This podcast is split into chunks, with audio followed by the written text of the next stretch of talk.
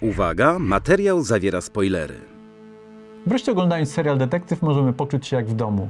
Jest zimno, jest śnieg, jest ciemno, jest depresja. Czyli Kraina Nocy. Zapraszamy.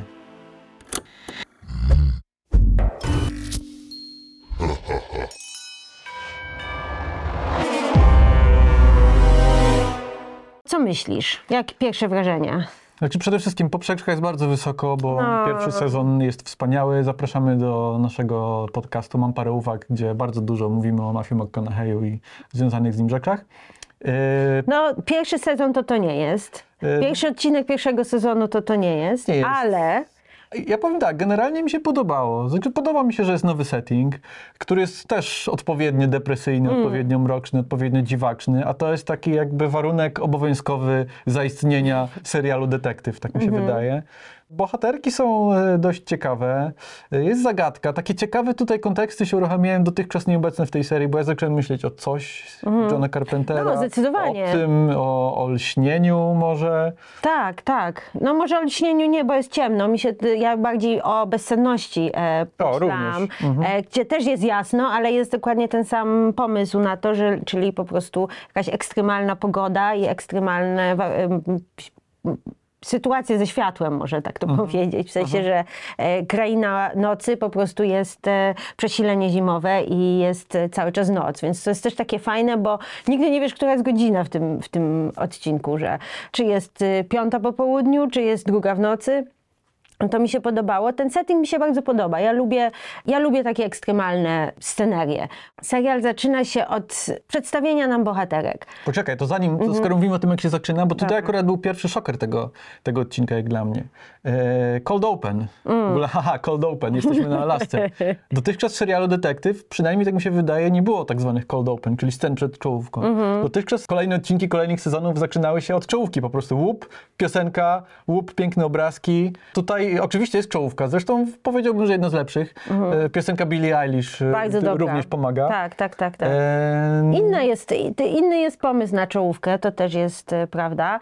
Em, Ale wydaje mi się, że to jest znamienne dla tego, co przynajmniej dla tego, co zobaczyliśmy w pierwszym sezonie, że tu jest szereg takich elementów klasycznie true detektywowych, łącznie z takimi easter eggami dla fanów, bo tam gdzieś pojawia się piwo Lone Star, piwo marki, którą pił Rust Cole. E, Gdzieś tam kątem oka widzimy być może tatuaż w kształcie tak, spirali. tak, zdecydowanie. Karkosa gdzieś tam Niestety, jeżeli oglądaliśmy e, trailery, to wiemy, że to jest ta spirala, więc tu już jest taka, taki trochę spoiler. Ale z drugiej strony mamy szereg takich przesunięć, które wprowadzają coś nowego i nie mówię tutaj tylko o settingu, tylko o tym, że na przykład akcent dużo bardziej jest na to kobiece doświadczenie. No, kobiece doświadczenie tak, ale też y, doświadczenie lokalne, w tym sensie, że wydaje mi się, że tu jest zamknięta społeczność, któ- w której się dzieją różne rzeczy i że to nie jest tak, że tak jak mieliśmy w pierwszym sezonie, że ktoś z zewnątrz przyjeżdża, w, w tym sensie, w tym, se- w tym przypadku Rust Call, przyjeżdża i próbuje rozwiązać jakąś sprawę, nie zna nikogo i, i to wszystko jest jakaś taka rozlana, jak te, jak te bagna Luizjany, rozlana sytuacja, to tutaj mam wrażenie, że to jest wszystko skoncentrowane na jednym miejscu, e, gdzie nawet postać Judy Foster w pewnym momencie mówi, że e, tak, że to miejsce to jest to, co zabiło e, jedną z ofiar zbrodni. No i też widzimy, jak ten, ten Tak. mrok i to zimno sączy się jakby do bohaterów czy do ich bliskich, bo to jest w ogóle opowieść o takiej skomplikowanej sieci relacji, jakichś takich emocjonalno-rodzinnych. Mamy dużo członków rodzin, ro, rodzin czy jakichś takich bl- bliskich osób, głównych bohaterek, którzy źle znoszą to otoczenie. Tak, tak. To chyba jest siostra bohaterki Kali Rice, Tak, tak, tak. która ewidentnie w jakiejś depresji. No też e, postać Jodie Foster też widać, że dociśnięta przez życie, tak. Tak. jak, tak jak musi być w serialu Tak Detektyw. jak musi być. Tak, no to właśnie tu, tu chciałam o tych bohaterkach powiedzieć, że właśnie to, to, co już zaczęłam trochę mówić, że to, co mi się podobało, to to, że okej, jest jakaś zbrodnia, jest jakaś sytuacja, ale że koncentrujemy się głównie na, na bohaterkach i na ich właśnie, że na przedstawieniu bohaterek. Może to jest troszeczkę miejscami trochę, bym powiedziała, clumsy, że trochę jest ekspozycji takiej nachalnej, to znaczy widać, że tutaj właśnie bohaterowie rozmawiają o sytuacji, której powinni już dobrze, którą powinni już dobrze znać, więc to jest chyba nie, bez sensu, żeby o tym jeszcze opowiadać. Raz, tylko że właśnie mówią o tym, Jest ta bo scena, w której bohaterka Jodie Foster rozmawia z tą to chyba nie jest jej córka, tak, to nie jest jasne w tym odcinku, ale z tą dziewczyną, którą ona się Mhm. Tak. opiekuje. Nakręciłaś, nakręciłaś, no co nakręciłam, powiedz mi. No tak. I ewidentnie to jest coś dla nas. Tak. Ale z drugiej strony E, mamy też szereg takich rozsianych tajemnic, takich osobowościowych Tak. czy, czy osobistych. Na przykład, czemu Jodie Foster nienawidzi Beatlesów? Mm. Ja rozumiem, że jak leci Ferris Bueller, to chce się go wyłączyć. Jakby utożsamiam się z tym punktem wyjścia, e, ale wciąż jest to jak, jakiś rodzaj zagadki. Jest też jakaś historia ewidentnie z alkoholem Mm. E, w postaci Jodie Foster, taka sugestia gdzieś pada. E, No bohaterka Kali Rice ma swoją przeszłość frontową, jakieś Tak, wspomnienia z, tak, Iraku tak, czy innego tak. Afganistanu, jakieś takie Tak. dość... Wo- wolałabym, żeby intensywne. to było rozlane bardziej na, na, na, na dalszą część. Tutaj Mhm. nam są tylko takie rodzynki wrzucone i tylko tak, o zobaczcie, i to była pani w wojsku, a tutaj pa- pani w jakiś wypadek i tak dalej. Ym, Wolałabym, żeby może to było bardziej skoncentrowane na tu i teraz, a potem ewentualnie wchodziły jakieś wspomnienia, ale to jest tylko taka moja jakaś drobna uwaga, bo wydaje mi się, że to było dosyć solidne, dosyć solidny odcinek. Tak, ja jeszcze docenię drugi plan Johna Hawksa, zawsze Mhm. A, dobrze zobaczyć. no to jest tak. taka twarz, kiedy opowiadamy o cierpiących ludziach, to zawsze dzwonią do Johna Hawksa i on się świetnie sprawdza.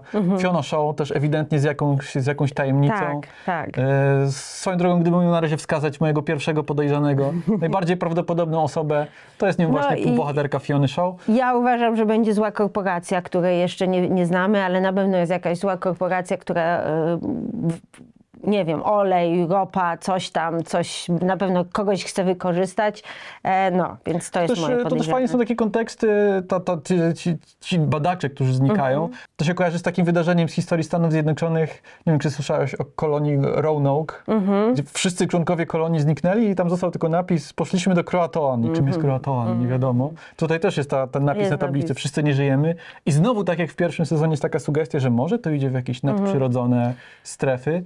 Tak. Wydaje mi się, że nie idzie w tę stronę. Y, Ale ewidentnie są elementy horrorowe, które Mhm. bardzo są ciekawe moim zdaniem. To jest jakby jedno z ciekawszych środków stylistycznych, które są tu używane, bo wyróżnia się to na tle innych e, seriali detektywistycznych, bo mimo, że tutaj jest i setting, i bohaterki, no to umówmy się, widzieliśmy takie kryminały, znamy już takie kryminały, nie wiem, Merzistan mi pierwsza, co przychodzi do głowy, no po prostu, wiesz, silne kobiety robiące e, różne rzeczy, ale będące skomplikowanymi postaciami też i y, wydaje mi się, że z kryminałami trudno jest zbudować jakąś zagadkę, która, która zaskoczy widzów. Zwykle wszystko już żeśmy widzieli, wszystko, wszystko znamy, a to, co właściwie nas przyciąga, to jest klimat raz, a dwa fajne postacie. Czyli jeżeli polubimy postacie i chcemy za nimi podążać, e, to wtedy się wciągamy. No.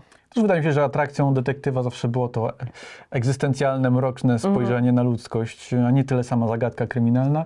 E, Jeśli miałbym tylko skrytykować ten odcinek, Mhm. to chciałbym wspomnieć o cyfrowych e, zwierzątkach. A, no. To jest zawsze, zawsze zła droga. E, Isa Lopez to jest showrunnerka, reżyserka, scenarzystka tego serialu. Generalnie chwalę panią Isę z jednym Mhm. wyjątkiem. Pani Iso, nie idźmy tą drogą. Jeśli chcemy mieć zwierzaczki, to prosimy o prawdziwe, a jeśli nie, to wymyślmy coś lepszego. Może w kolejnych odcinkach nie będzie już zwierzaczków. Nie, no wydaje mi się, że ten miś polarny bez oka to jest e, jakaś, jakaś metafora czegoś i że on się będzie pojawiał, bo się pojawił i zwierzątko pluszowe i prawdziwy miś, w sensie CGI miś, więc no. No pozostaje Jest. nam zaprosić Was do komentarzy. Piszcie, czego metaforą jest miś z jednym okiem, czy Fiona Show jest winna, jak podobała Wam się Jodie Foster i Kali Rice i czy czekacie na kolejne odcinki tego sezonu Detektywa. Do zobaczenia. Do zobaczenia.